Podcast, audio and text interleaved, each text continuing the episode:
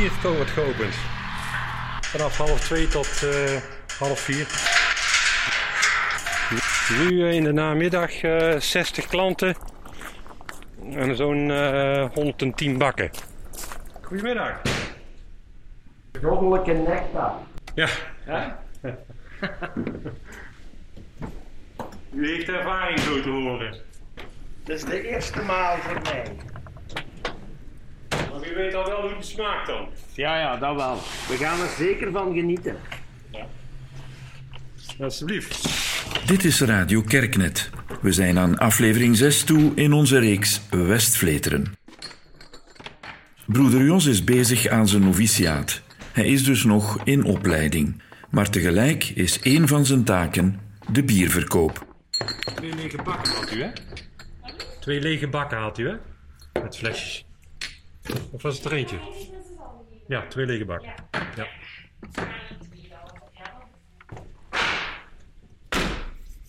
kunnen twee bakken bestellen en dan moeten ze weer twee maanden wachten. Of twee maanden kunnen ze dan weer bestellen. Dank u wel. Een goed weekend nog.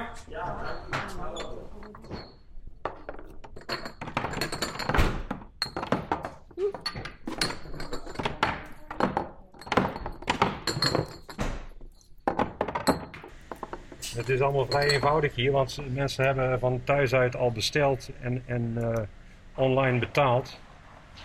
Dus ze moeten dan een QR-code afdrukken, oftewel op hun uh, smartphone laten zien. En die kunnen we scannen en dan uh, weten wij dat ze betaald hebben. Dan krijgen ze een bier mee. Heeft u ook nog lege bakken bij? Uh, in English, please. You have empty uh, No, no.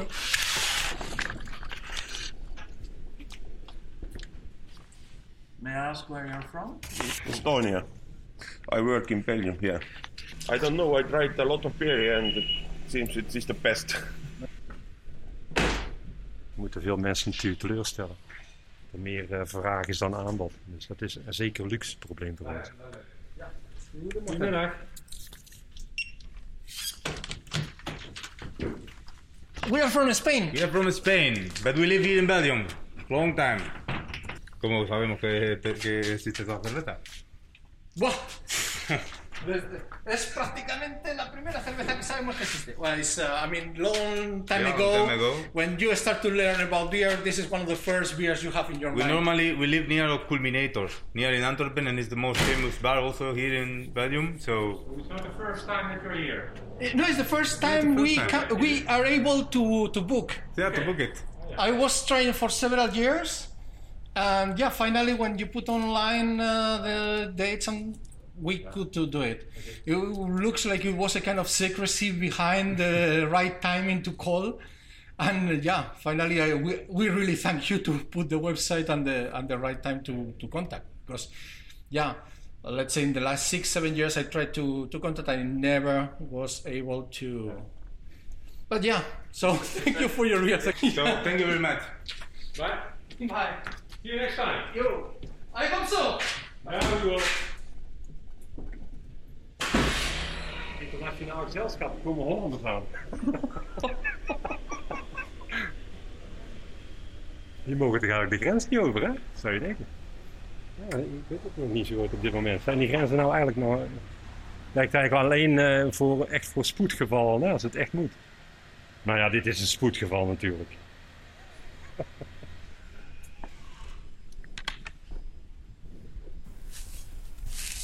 Werkte op eh, een afdeling voor neuropatiënten. Dus eh, neurotrauma's. Dus mensen waren zwaar beschadigd in het hoofd. Een derde van de patiënten bijna ging, overleed daaraan. Dus het was een afdeling waar veel eh, menselijk leed was. En ook wel de, de confrontatie met de eindigheid van ons leven. Die twee dingen kwamen daar heel erg bij elkaar. Dus een heel stuk techniek. En tegelijkertijd de hele menselijke kant daarvan. En alle vragen die daarbij komen. Dus dat vond ik een heel boeiend eh, werkveld wel.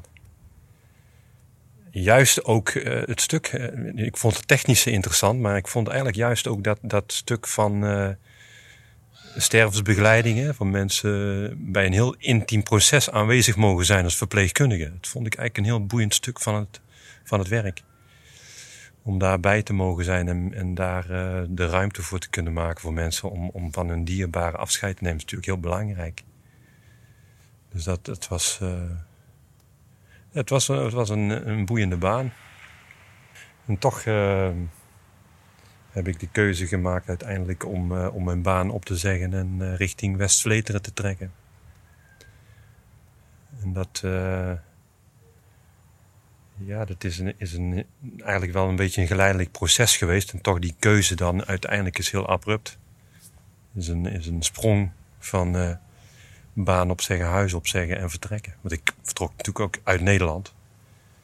Dus het was ook wel uh, in die zin nog een grotere sprong. Ook uit mijn bekende kring van vrienden en familie uh, weg. Het een beetje vergelijkbaar met het verhaal uit Genesis. Hè, tegen Abraham, trek weg uit uw land uit de stam en uit, uit,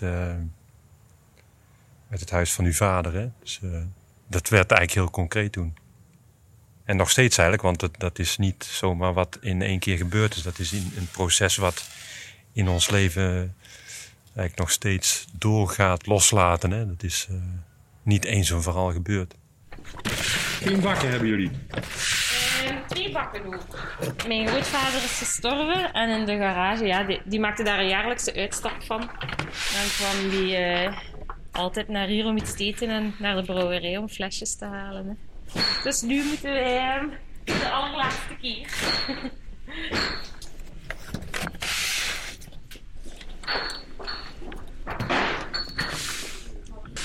Zijn erover aan het denken dat we dat nog gaan doen om hem te herdenken zo jaarlijk uitstapje met de familie naar dus kanten en eens uh, ja, een biertje komen drinken als dat mag. En dan is het goed.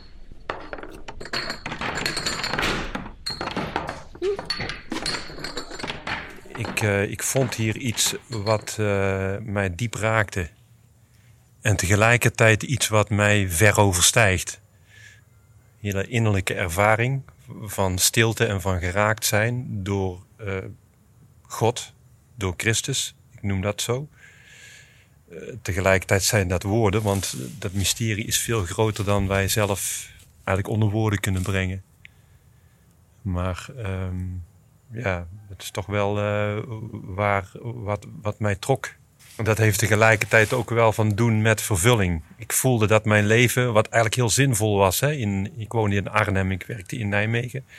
Deed eigenlijk heel zinvol werk op intensieve zorg. En toch voelde ik dat het me niet ten diepste vervulde. Dus het is eigenlijk een, een, een keuze geweest van, uh, van zoeken naar diepere vervulling. En tegelijkertijd, als ik het zo zeg, dan klopt het eigenlijk niet, want het is eigenlijk geen keuze. Het is meer gekozen worden. Dat heb ik eigenlijk ervaren, dat ervaar ik nog steeds. het is niet iets, dit leven als kloosterling, is eigenlijk niet iets wat ik zelf heb verzonnen of uh, waar ik zelf nou zo vanzelfsprekend voor zou kiezen. Dus als ik heel eerlijk ben, dan is daar eigenlijk ook wel een flinke worsteling aan vooraf gegaan om die keuze te maken. Omdat ik eigenlijk mijn leven zoals ik het had, dat was eigenlijk wel oké.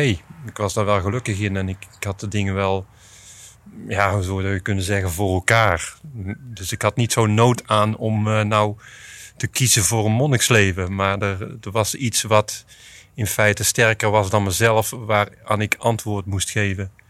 Noem dat dan een roeping, maar ik noem dat meer een innerlijke stem die. Uh, ik, ik leg, zeg de laatste tijd eigenlijk steeds vaker: het is een fluistering, want het is iets wat heel uh, zacht en teder is en wat in de stilte tot je spreekt. Niet letterlijk een spreken, maar wel een aangesproken worden. Dat is het eigenlijk uh, meer, ja. Eh, en de worsteling heeft natuurlijk van doen met alles wat je ervoor moet betalen. De prijs die wordt gevraagd. En die prijs die dient zich steeds aan. Want je, ik heb de keuze gemaakt. Maar er blijven natuurlijk heel veel alternatieven die aantrekkelijk zijn. Buiten een kloosterleven om. En die ook heel menselijk zijn. Dus die prijs moet je steeds opnieuw betalen. En moet je wel eh, steeds opnieuw overwegen van... Uh, zeg ik daar nog steeds ja ten volle tegen.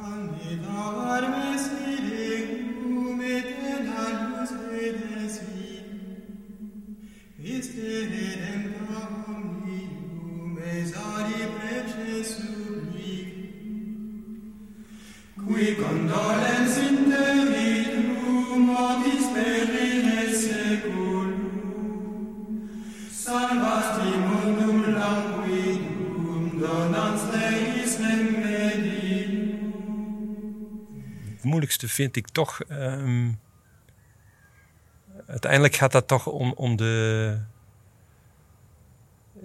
Vooral de mensen die ik eh, in Nederland moest achterlaten. Dat vond ik toch het moeilijkste. Ja, vrienden, familie, die nu op afstand zijn.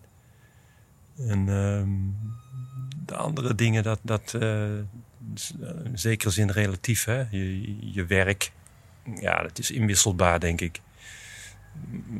De plek waar je woont is ook inwisselbaar. Maar de mensen met wie je leeft, dat is, eh, dat is, dat is lastig. Dus dat is wel, wel wat het diepste snijdt voor mij. Ja. Begrijpen zij het? Eh, Dat is niet eenduidig, want je hebt mensen die het begrijpen, ten volle begrijpen. Ja, wat is ten volle? En je hebt mensen die er helemaal niks van begrijpen. Dus er zijn onder mijn vrienden ook mensen die totaal niet met, met geloof bezig zijn. Eh, Er zijn ook collega's nog op bezoek geweest hier. En dat zijn mensen die niet daarmee bezig zijn. Maar toch eh, heb ik wel ervaren als je, als je in gesprek komt hier in die stilte, dat ze daar iets van ervaren, dat ze er toch iets van begrijpen. Maar het laat zich moeilijk onder woorden brengen, want het is natuurlijk iets, iets existentieels hè, wat wij doen. Je staat hier in feite in je, in je volle, noem het naaktheid. Hè? Als, als existentieel, existentieel wezen, als mensen sta je hier en daar moet je het mee doen. En is er dan in die leegte, in die stilte, eh, dan nog eh, die stem van God, van Christus, die daar klinkt voor jou? Dat, dat is ten diepste de vraag. Tegelijkertijd is er bij iedere mens de vraag naar: eh, wat doen wij hier op deze aardbodem? Ik ben hier.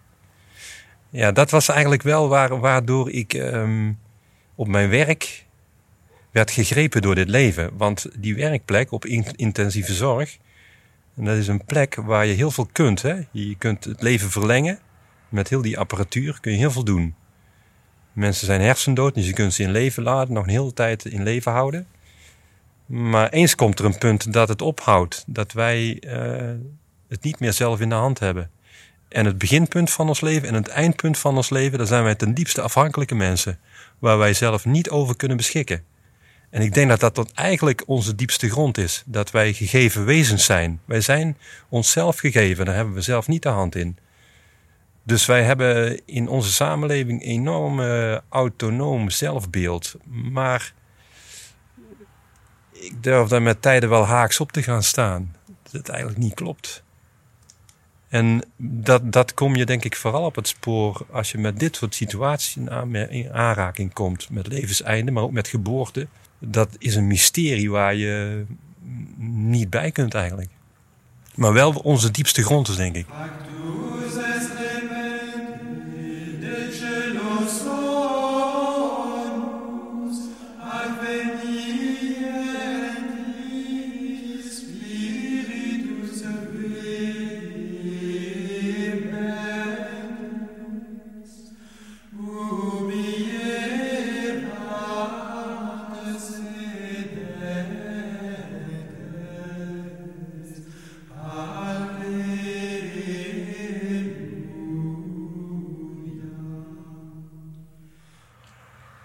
En dat is wel, de- denk ik, voor mij de, de belangrijkste overweging of uitnodiging geweest om hier te gaan leven. Omdat ik voel dat dat iets in mij wakker maakt. Wat me ten diepste vervult eigenlijk. Doorheen de strijd, hè? want dit is geen keuze die makkelijk is. Onze levenskeuze is met tijden ook gewoon heel taai. In, in, in de structuur van ons leven, die vrij monotoon is. Eh, het gebrek aan, aan vrienden en familie in de buurt. Dus je, je wordt ook eh, ten diepste geconfronteerd met jezelf en eh, met de mens die je bent. Dus het is ook niet makkelijk. Maar daar toch in te blijven staan en, en toch die, die, die vraag aan te kijken. Ja, daar gaat deze, deze, dit leven over. En ik ervaar dat dat met, met tijden enorm kan vervullen. Maar inderdaad, ook met, eh, met strijd. Dus is er ook. En dat is ook realistisch. Zoals denk ik iedere levenskeuze met tijden strijd vraagt. Je hebt wel gekozen voor een, een contemplatief bestaan, een contemplatieve orde. Ja. Op intensieve kan je mensen echt helpen. Hier leef je relatief afgesloten van die buitenwereld. Ja. Ja, dat lijkt op het eerste gezicht niet evident als we die zinvolheid nastreven. Maar het ligt eraan waar je de zinvolheid aan ontleent. Of waar die naar uitgaat. Want inderdaad, als je het bekijkt vanuit nuttigheid, hè, waar wij in onze samenleving toch wel. Uh, dat is een beetje onze ethiek geworden, hè, wat is nuttig. Ja, dat werk wat ik deed was natuurlijk uitermate nuttig, denk ik. Mensen in leven houden of, op een goede manier laten sterven. Of, of nou, dat, dat, dat, dat kun je zeker als zinvol zien natuurlijk. Maar eh, voor mijzelf was of is dit leven als monnik heel zinvol. Maar dat laat zich moeilijker, moeilijker in woorden vatten. Dat laat zich moeilijk objectiveren. Maar ik denk dat heel veel mensen um, in, in het huidige leven toch op zoek zijn ook naar die stilte en naar, naar die diepere grond van zichzelf. En ik denk dat heel veel mensen daar eigenlijk aan voorbij gaan. En het is eigenlijk ook heel confronterend. Want als, als alle opsmuk wegvalt, ja, dan, dan uh, dient zich de vraag aan: uh, wat, wat doe ik dan eigenlijk hier? En wat, is mijn, wat voor zin heeft mijn leven? En de zinvolheid vind ik in, in mijn geloof en vertrouwen in God. In, in uh, degene die mij voorgaat of waar ik uit voortkom. En dat is eigenlijk, eigenlijk dat gegeven zijn. Wat ik niet van mezelf heb. En daar is God een naam voor? ja, ik, ik noem het God. Dat is natuurlijk een, een, een woord wat eigenlijk enorm uh, voor van alles en nog wat is gebruikt. Hè? Maar, maar uh, ten diepste is dat een mysterie eigenlijk. Maar een, een, een levendgevend mysterie zou ik het willen noemen. Maar ik vind het eigenlijk... De Joden hebben dat eigenlijk heel mooi hè? In, in de... In de Torah noemen ze die, die, de tetragrammaton, hè? de vier letters die ze aan God geven, JHWH in het Hebreeuws. Ja, dat drukt het voor mij eigenlijk heel mooi uit. Want zij willen die naam niet uitspreken. Dat duidt het mysterie. Je moet de naam eigenlijk niet uitspreken, want je kunt dat niet onder woorden brengen. Dat vind ik eigenlijk heel mooi. Tegelijkertijd zijn wij mensen die ook onze taligheid moeten gebruiken. Maar het gaat er ook aan voorbij, denk ik. We kunnen het eigenlijk niet uitdrukken. Is er nooit twijfel in u? Tuurlijk wel. Er is sowieso heel veel twijfel geweest. En met tijden is er zonder meer twijfel. Dus dat is ook helemaal niet zo gek natuurlijk. En, en, en het lijkt me ook heel menselijk dat er twijfels zijn. Maar dat wil niet zeggen dat ik door de twijfel um, mijn geloof moet verliezen. Want ik denk dat geloof en vertrouwen juist ook bevraagd wordt hè, door, door hetgeen wat er op ons spoor komt. Door de moeilijkheden, door alles wat, wat niet is zoals je zelf uh, had gedacht en of wat verwacht. Maar het wordt, wordt daardoor, komt het op een diepere laag in jezelf, wordt het opnieuw bevraagd. Kan ik nog steeds ja zeggen tegen deze keuze? En geloof ik nog steeds dat, dat, grond, dat mijn diepere grond in God gelegen is? Ja, dat, dat het hoort erbij. Maar help je nu nog mensen? Indirect denk ik dat wij mensen helpen. Sowieso hebben wij natuurlijk een, gastenhuis en, een kerk waar mensen nu dan tijdens deze pandemie niet, uh, geen gebruik van kunnen maken. Maar normaal gesproken delen veel mensen in ons leven. Dus dat is toch wel redelijk concreet. Wij geloven zelf dat ons gebed en het stille leven wat wij hier hebben... een, een, een noem het een energie is, hè, die, die uh, uitstraalt naar buiten. En, en er zijn veel mensen die op ons gebed vertrouwen, die in verbinding zijn met ons. Ik, ik geloof dat dat uh, een dimensie is die niet zichtbaar is, maar die wel aanwezig is. Voor ons is dat zonder meer heel concreet, uh, een concrete realiteit.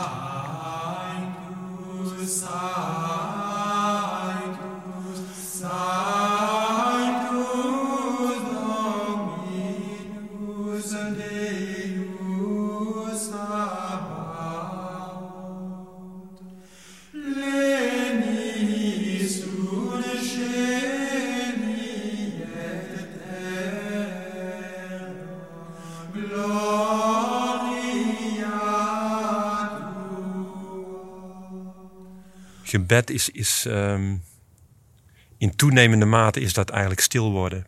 Is veel meer luisteren dan eh, het onder woorden brengen. Eigenlijk komt daar die, die gevende dimensie heel erg in terug. Dat het veel meer ehm, op ontvangen aankomt. Dat wij ontvangen niet, eh, het niet willen grijpen, want het mysterie laat zich niet grijpen, maar het op ons, eh, op ons af laten komen. Het, en het, is de eerste, het is het eerste woord van onze regel waar wij uit leven, de regel van Benedictus is luister. Daar draait ons leven in essentie om. En dat is wel een wezenlijke verandering die ik ervaar gedurende de jaren dat ik hier ben. Dus ik was, denk ik, in mijn leven destijds in Arnhem en Nijmegen als, als eh, intensief verpleegkundige toch veel meer uh, een doener en een prater. En iemand die het, die het zelf bepaalde en die, die het zelf in de hand had. Ben ik veel meer tot een dimensie gekomen van luisteren, van ontvangen van het niet zelf in de hand hebben. En dat is natuurlijk eigenlijk niet zo comfortabel. En toch is dat nu juist ook uh, de vormgeving van ons leven die essentieel is. Om juist die ontvangende en luisterende houding uh, te, te ontwikkelen. En daarin God op het spoor te komen. Ja. Wat brengt dat luisteren dan bij? Bedoel, wat moet ik mij daarbij voorstellen? Ten, ten diepste is dat een, een dimensie van liefde. Dat ik als mens geliefd ben, dat ik als mens in het leven gezet ben door een, uh, een God die mij gewild heeft en die mij op deze plek wil. Om op deze manier mijn be, leven bestemming geeft. Dus ik kan zelf geen bestemming geven, denk ik, maar ik ontvang bestemming. En ik ontvang mijn doel. Dat staat wel een beetje haaks op hoe wij, denk ik, in onze samenleving dat zien. Waarin wij denken, wij kunnen heel veel zelf bepalen, maar mijn diepste bestemming ontvang ik. Benedictus die zegt ergens in zijn regel dat wij eigenlijk dagelijks Psalm 95 moeten reciteren. In het begin van de nachtwaken, is niet wat wij doen. Daarin zegt hij: Heden, als gij zijn stem hoort, verhard dan niet uw hart. Dat is volgens mij essentieel. Als wij ons hart verharden, dan missen wij een stuk van onze menselijkheid. En dan missen wij een stukje van de interactie die we zouden kunnen hebben naar elkaar. En ik denk dat onze samenleving daar nood aan heeft. Aan uh, mensen die niet verharden, maar die durven kwetsbaar te zijn. Die durven te gaan staan in een stuk zachtheid.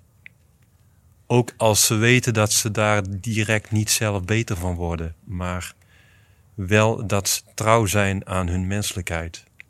En dus ook aan, denk ik, naar mijn idee, naar God toe. Want daar, dat is voor mij, is dat de bron daarvan van de menselijkheid en van dat hele tedere wat wij als mensen hebben in ons. En dat is ook wel wat ik ervaar in dit leven, dat, dat daar een stuk uh, verlangen van mij naar uitgaat. Juist om dat toe te laten. Ken jij boosheid? Woede? Ja, ja, ja. Dat heb ik zeker.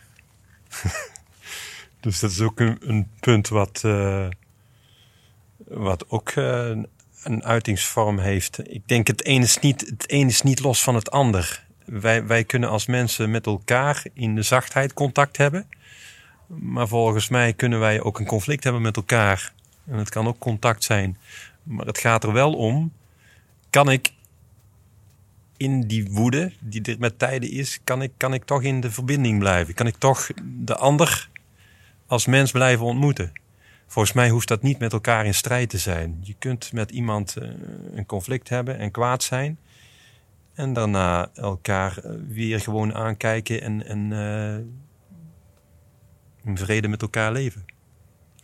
Dus ik vind dat daar moet je ook niet in overdrijven. Het is wel een mooi ideaal om, om de zachtheid in jezelf na te leven en de vrede. Maar je moet je menselijke kant niet vergeten. Dus een stukje van woede en kwaadheid hoort er naar mijn idee wel bij. En het is goed om daar ook uh, een weg in te vinden.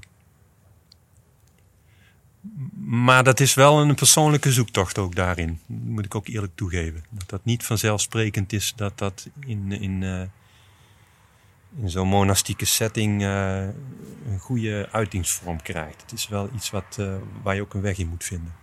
En het is natuurlijk ook goed hè, om, om, om jezelf te bevragen waarom je kwaad bent of woedend bent op iets of iemand. Is dat iets wat op die situatie past of is dat iets wat, wat groter is eigenlijk? Nou, dat, dat is wel een, een, uh, een aspect van ons leven. Vraagt wel steeds ook weer de bevraging naar jezelf toe. De, om, om, om die confrontatie ook met jezelf te, aan te gaan en te kijken wat, wat er in jezelf omgaat. God heeft het eerste woord, hij heeft in den begin het licht toen overwinnen, hij spreekt nog altijd voort.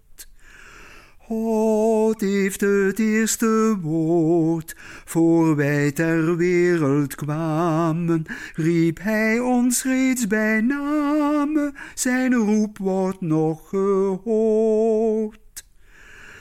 God heeft het laatste woord, wat hij van zeide, wordt aan het eind der tijden in heel zijn rijk gehoord. God staat aan het begin en hij komt aan het einde.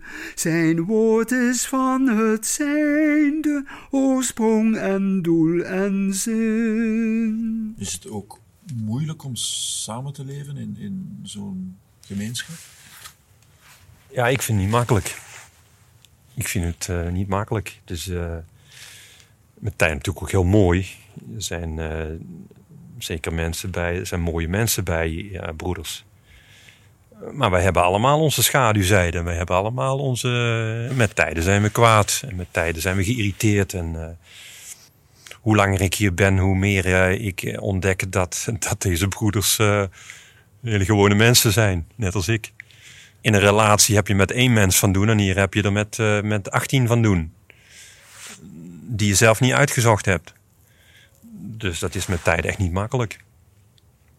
Dus ook dat uh, is een, is een, uh, een aspect uh, wat je bevraagt of je die keuze nog steeds wilt. Is dat nog steeds het diepste verlangen wat je hebt om hier te leven? Ook ondanks dat dat niet altijd makkelijk is. Ja, dat, dat is wel heel realistisch. Ja. Maar goed, dat is natuurlijk ook in een relatie. Hè? Je hebt in een relatie ook uh, met tijden denk ik, onderling uh, wat uit te vechten en, en te confronteren. En, en moet je ook door moeilijke momenten heen, denk ik, waarin je dan de vraag krijgt: blijven we bij elkaar of uh, scheiden hier onze wegen? Ik denk dat het uiteindelijk toch weer uh, de vraag is van ten diepste naar wat, wat zoek je? Is dat diepere verlangen nog steeds daar? Heb je het ooit overwogen, een relatie? Ik heb wel relaties gehad. En, ehm, ook uh, dat ik eigenlijk voor mijn intrede een relatie had. Maar dat, dat was eigenlijk mijn, mijn uh, punt. Dat ik uh, voelde dat, dat het niet mij ten diepste vervulde. Dat het niet die vervulling gaf die ik blijkbaar um, hier wel vind. Ja, blijkbaar, want het is niet zo evident natuurlijk. Hè? Een, een, het is veel vanzelfsprekender dat je een relatie hebt en, en dat dat je levensvervulling is. Dus, uh, dus dat was ook, uh, dat valt eigenlijk wel binnen hetgeen wat ik zei, straks zei, van uh, de prijs die je betaalt. Het is eigenlijk voor mij um, het belangrijkste met familie en vrienden, maar ook de relatie, de intieme relatie opgeven. Dus celibaat en, en alles wat daarbij hoort, om dat ervoor over te hebben. Ja het wordt er wel degelijk bij. Maar je hebt iemand ontgoocheld? Ja, ontgoocheld. Die, diegene begreep het wel. Maar de teleurstelling is er natuurlijk. Ja.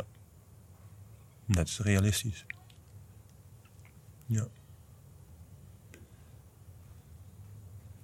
Maar uiteindelijk moet je toch trouw zijn aan, aan je diepste verlangen. Ook als je iemand moet ontgoochelen. Dan, anders ben je niet eerlijk naar, zowel naar de ander als naar jezelf. Als je in een, in een relatie blijft zitten waarin je eigenlijk niet voelt: ik, ik word hier. eh, dit is mijn diepste verlangen of dit vervult me. eh, dan gaat het natuurlijk niet lukken. Maar ook dat blijft natuurlijk een, eh, in zekere zin ook een, een openstaand iets. Hè? Niet in de zin van een, een mogelijkheid of, of een, een, eh, een weg te gaan, maar wel, het zit natuurlijk heel erg in onze menselijkheid. Hè? Dat wij iemand naast ons ehm, hebben. Hè? Intieme relatie hebt met iemand. Dat is natuurlijk eigenlijk gewoon heel menselijk. Dus dat is ook iets wat, eh, wat er altijd is. Ook voor iemand die in een klooster zit. Dus eh, daar moet je ook wel ehm, heel realistisch in zijn. Dat dat, dat, dat, dat eh, een vraag is die, die eh begeleidt gedurende dit leven. En die je ook steeds weer bevraagt. Is dit echt de keuze die ik moet maken? Is dit echt de weg die ik te gaan heb? Nou, dat cijfert zich wel uit. Dus ook daarin eh, komen de twijfels met tijden naar boven. Hè? Dus, maar het is zoals ik zei, ik heb de weg zelf niet gekozen. De weg kiest mij. Ben gekozen. Het is eigenlijk meer niet een zelf kiezen als wel een instemmen. Het is eigenlijk een instemmen. Instemmen is een, schijnt, daar kwam ik na de rand achter, ehm, een heel belangrijk woord van Bernardus te zijn geweest. Instemmen. Want dat is eigenlijk ten diepste waar, waar het over gaat volgens mij. Kan ik instemmen met deze weg, waarvan ik het vermoeden heb dat het mijn bestemming, mijn doel is, deze weg te gaan. En dat doel ligt in God, maar kan ik instemmen? Nou, dat, dat gaat met tijden met weerstand en met, met, eh, ja, met niet willen. Dat eh, is uh, afgelopen jaren met tijd ook zeker zo geweest. Maar ik voel wel dat die instemming steeds meer komt in mezelf. Dus ik denk dat dat ook een graadmeter is van, van of, je, of dit echt de weg is die je te gaan hebt. Het heeft volgens mij met, met de vrede te maken die je vindt door in te stemmen.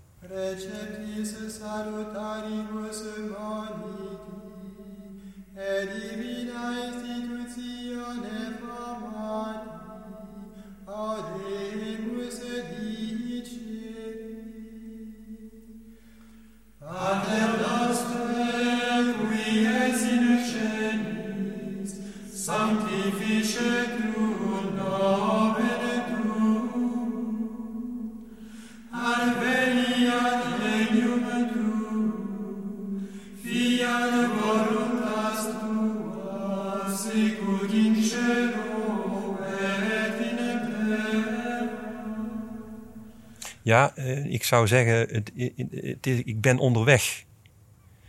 En ik ben onderweg naar in te stemmen met die innerlijke vrede. Dus het is er, maar het is er nog niet.